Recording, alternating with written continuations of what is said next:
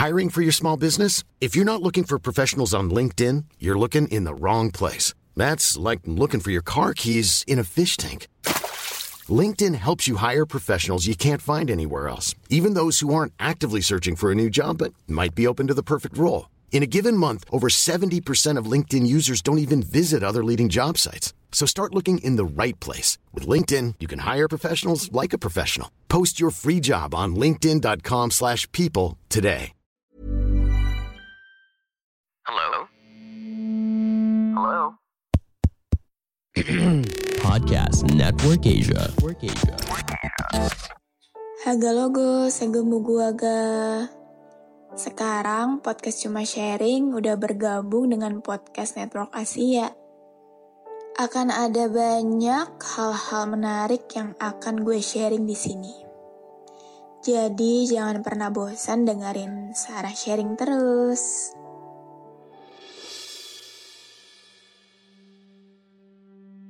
Haga logo, segemu gua agak Apa kabar kalian yang lagi dengerin ini? Semoga sehat-sehat ya. Curah kali ini datang dari cowok yang ngirim email ke gue. Dan untuk kalian yang perempuan yang dengerin ini, siap-siap baper. Oke, okay, here we go. Halo kak, Gak tahu judul cerita curhat ini apa, tapi yang jelas ini tentang pertemanan cowok dan cewek. Maaf banget kak, ceritanya bakalan panjang banget. Gue cowok, kenal sama satu cewek lewat temen gue. Awal kenal sih biasa aja, layaknya dua orang yang baru kenal. Tapi lama-kelamaan, kita jadi deket layaknya temen main dan temen jalan. Oh ya, by the way, dia udah punya cowok waktu gue kenal dia. Makanya gue sebisa mungkin biasa aja dan gak mau terlalu deket sama dia. Entah kenapa, gue sama dia semakin deket. Gue sama dia sering chatan setiap hari bahas apa aja, dan cerita apa aja hampir gak ada hentinya dan setiap ketemu seru banget kalau lagi sama dia. Banyak juga kesamaan gue sama dia, tapi jarang banget curhat soal cowoknya dan selalu menghindar setiap bahas tentang hubungannya atau cowoknya. Sekilas cerita tentang dia kak. Dia suka banget sama bunga matahari. Suatu hari dia gue beliin bunga matahari. Gak lupa gue foto dia megang bunga matahari dengan latar motor gue. Di motor sewaktu jalan pulang gue nanya ke dia kayak gini. Lu baper gak sih? Gue kasih bunga Terus dia jawab, baper. Lalu gue tanya lagi, selain baper, karena gue kasih bunga, pernah nggak lu sebelumnya baper juga sama gue? Lalu dia malah menghindar dengan kata-kata, udah fokus sana bawa motor, dengan nada malu sambil nyubitin gue dari belakang. Gue bener-bener penasaran sama pertanyaan gue yang belum terjawab sampai sekarang. Dan gue juga gak tahu kak, dia menghindar emang karena pernah baper atau emang gak ada apa-apa sama gue. Oh iya, dia juga suka sama anak-anak. Dia sekarang suka ngajar anak-anak bahasa Inggris lewat Zoom. Kalau gue ngeliat dia ngobrol dan bercanda sama anak-anak, gue melihat sosok lain dari dia. Menurut gue, dia adalah cewek yang tahu cara mendidik anak-anak dengan sangat baik. Makanya waktu itu gue pernah bercandain dia kalau dia adalah cewek yang istriable. Gak cuma itu aja kak, makin lama gue sama dia kayak gak ada bunderis. Saking deketnya orang tua gue juga udah kenal sama dia. Karena beberapa kali sempat ke rumah dan gue juga sering cerita tentang dia ke nyokap gue. Selain sering jalan bareng, ada beberapa perlakuan gue sama dia yang seharusnya gak terjadi di antara pertemanan ini. Kayak kita sering deep talk, dia mulai kirimin emot love di sela-sela chat, manggil gue sayang. Dia ngasih gue coklat, gue ngasih dia permen Yupi.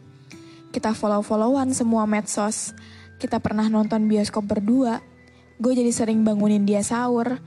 Kita jadi sering ngabarin satu sama lain dan sering ngepap random kegiatan kita. Gue suka cara dia senyum ke gue. Gue suka cara dia cerita random ke gue. Pernah suatu ketika, kita jatuh dari motor. Gue luka-luka tapi dia gak kenapa-napa. Dia ngobatin gue waktu di parkiran supermarket. Di parkiran supermarket itu, kita bukannya shock tapi malah ketawa-ketawa karena sebelumnya kita cerita kalau sama-sama belum pernah jatuh dari motor. Dan untuk pertama kalinya, kita jatuh bareng di hari itu. Kebetulan di motor gue ada spidol, dan gue nyuruh dia buat tanda tangan di motor gue buat ingetin kalau hari ini kita pernah jatuh bareng. Karena semua momen-momen tadi di parkiran supermarket, gue rasa gak cuma jatuh dari motor, Tapi hati gue juga udah jatuh ke dia. Dia hampir setiap hari nanyain kondisi gue dan gak lupa ingetin gue buat ngasih betadin ke luka gue. By the way, dia udah sering mutusin cowoknya, tapi cowoknya selalu berusaha buat pertahanin dia. Dan dia juga selalu luluh karena dia gak tegaan orangnya, karena cowoknya baik banget sama dia. Selain itu, keluarga cowoknya juga udah kenal banget sama dia. Itu juga yang membuat mereka masih bertahan. Oh iya, gue udah kenal sama cowoknya, karena kita pernah beberapa kali ketemu. Pernah suatu ketika dia lagi gak baik-baik aja sama cowoknya, dan di situ dia udah minta putus tapi cowoknya masih nahan dia dan bujuk supaya gak putus. Di saat itu dia curhat ke gue, kadang suka gak baik-baik aja sama cowoknya dan bingung karena lebih sering ketemu gue daripada ketemu cowoknya. Lebih sering jalan-jalan sama gue daripada cowoknya. Dia lebih sering chat sama gue daripada cowoknya. Intinya, gue udah buat dia bingung kak dan dia bilang mau nemuin rumah baru sebagai pacar tapi orang itu gak welcomein dia di rumahnya. Sampai sekarang gue gak tahu maksud omongan dia perihal rumah baru itu apa dan siapa. Karena sering main berdua, pada akhirnya terbentuklah satu circle. Circle di mana isinya tentu aja ada gue, dia, dan teman kita berdua. Terkadang kalau kita lagi ngumpul, suka ada obrolan tentang hubungan mereka ketika mereka ngobrolin hubungan dia dengan cowoknya, gue suka merasa gak baik-baik aja. Mungkin ini perasaan cemburu. Gue gak tahu kenapa gue bisa bereaksi kayak gitu. Mungkin gue gak biasa aja dengan obrolan itu. Karena selama ini gue jarang bahas hubungan mereka ketika lagi jalan sama dia. Apalagi pernah ada satu momen di mana gue ada di circle itu ketika ada cowoknya juga. Rasanya campur aduk ketika ngelihat dia sama cowoknya di depan mata gue bercanda bareng dalam satu circle. Mungkin bagi sebagian orang, bakalan bilang kalau gue bodoh banget bisa suka sama temen yang udah punya cowok.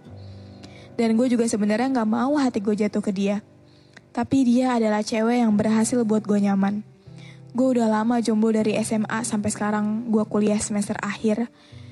Yang selalu ke mana-mana sendiri dan apa-apa sendiri, selalu kesepian, udah lama gak ada someone spesial di hidup gue. Dan kalau dekat sama cewek pun selalu gagal karena merasa gak cocok dan gak sefrekuensi sama gue. Dan pada akhirnya gue ketemu temen gue ini yang bisa sefrekuensi sama gue dan nyaman banget kalau lagi sama dia. Jadi gak sepenuhnya salah dong kak kalau gue punya perasaan sama dia karena gue gak pernah senyaman ini sama cewek.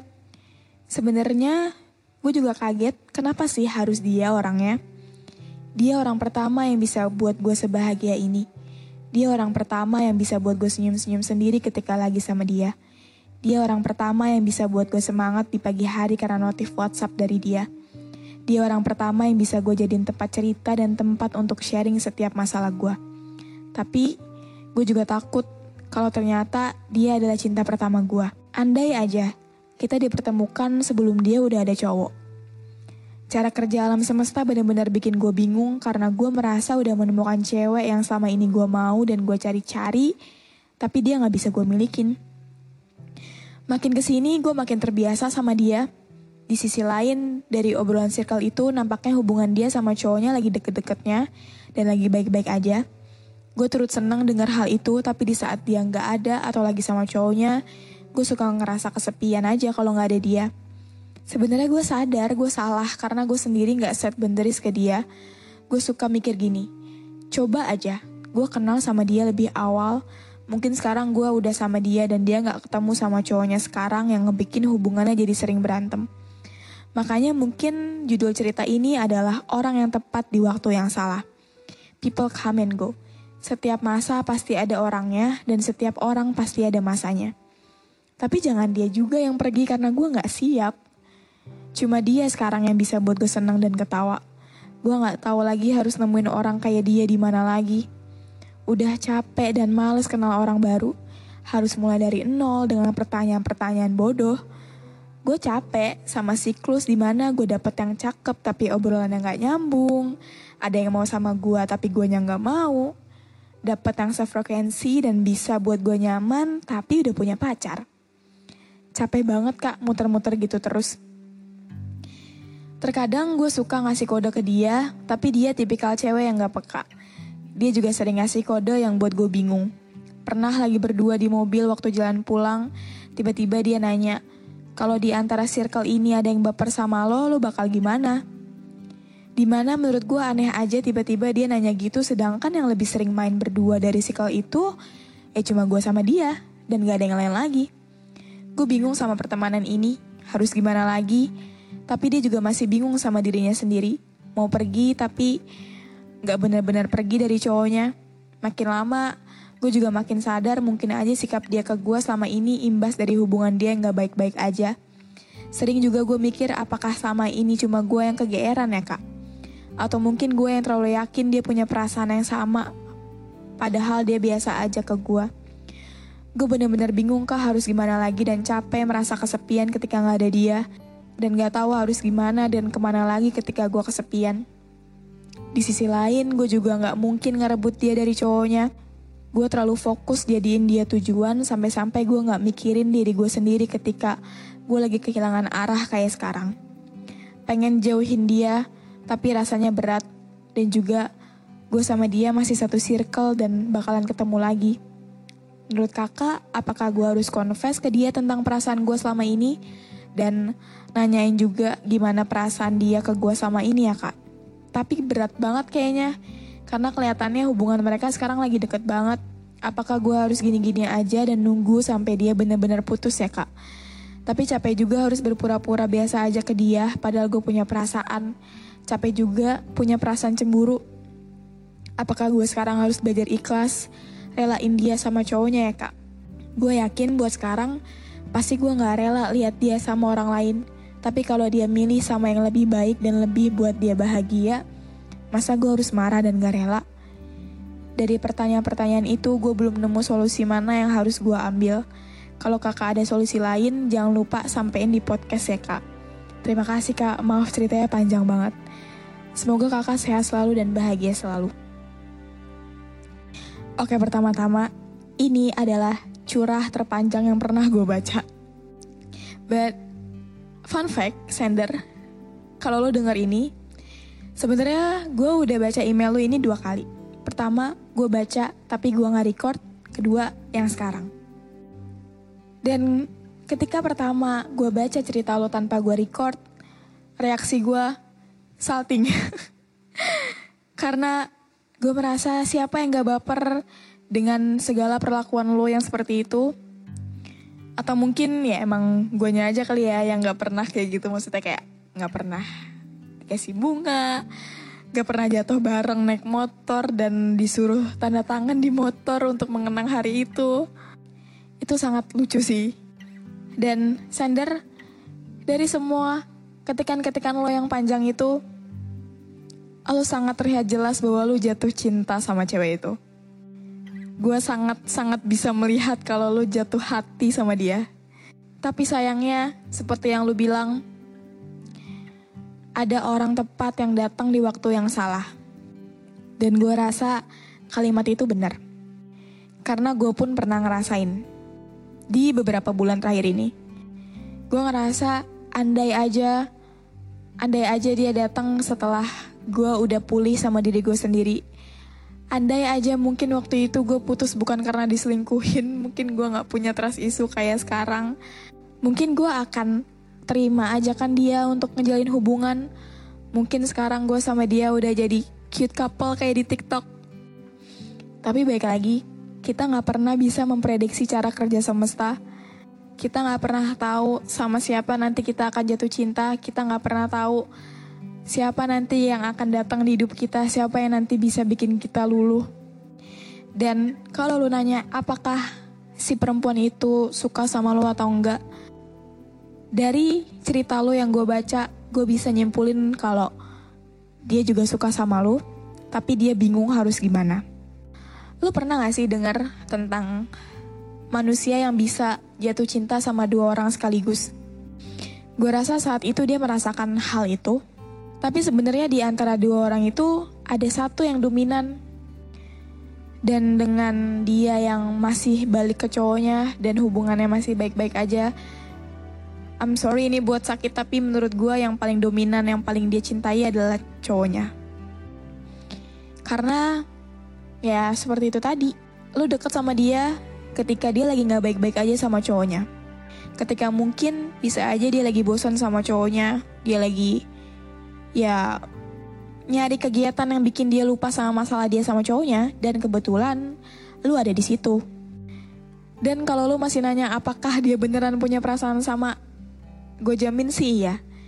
Karena nggak mungkin dia mau nonton berdua sama lu, dia ngasih emot love di sela-sela chat, dia manggil lu sayang, dia manggil lu sayang ketika dia masih ada hubungan sama cowoknya. Gak mungkin kalau dia gak punya perasaan yang sama. Tapi kalau menurut gue, perasaannya itu gak sekuat perasaan lu.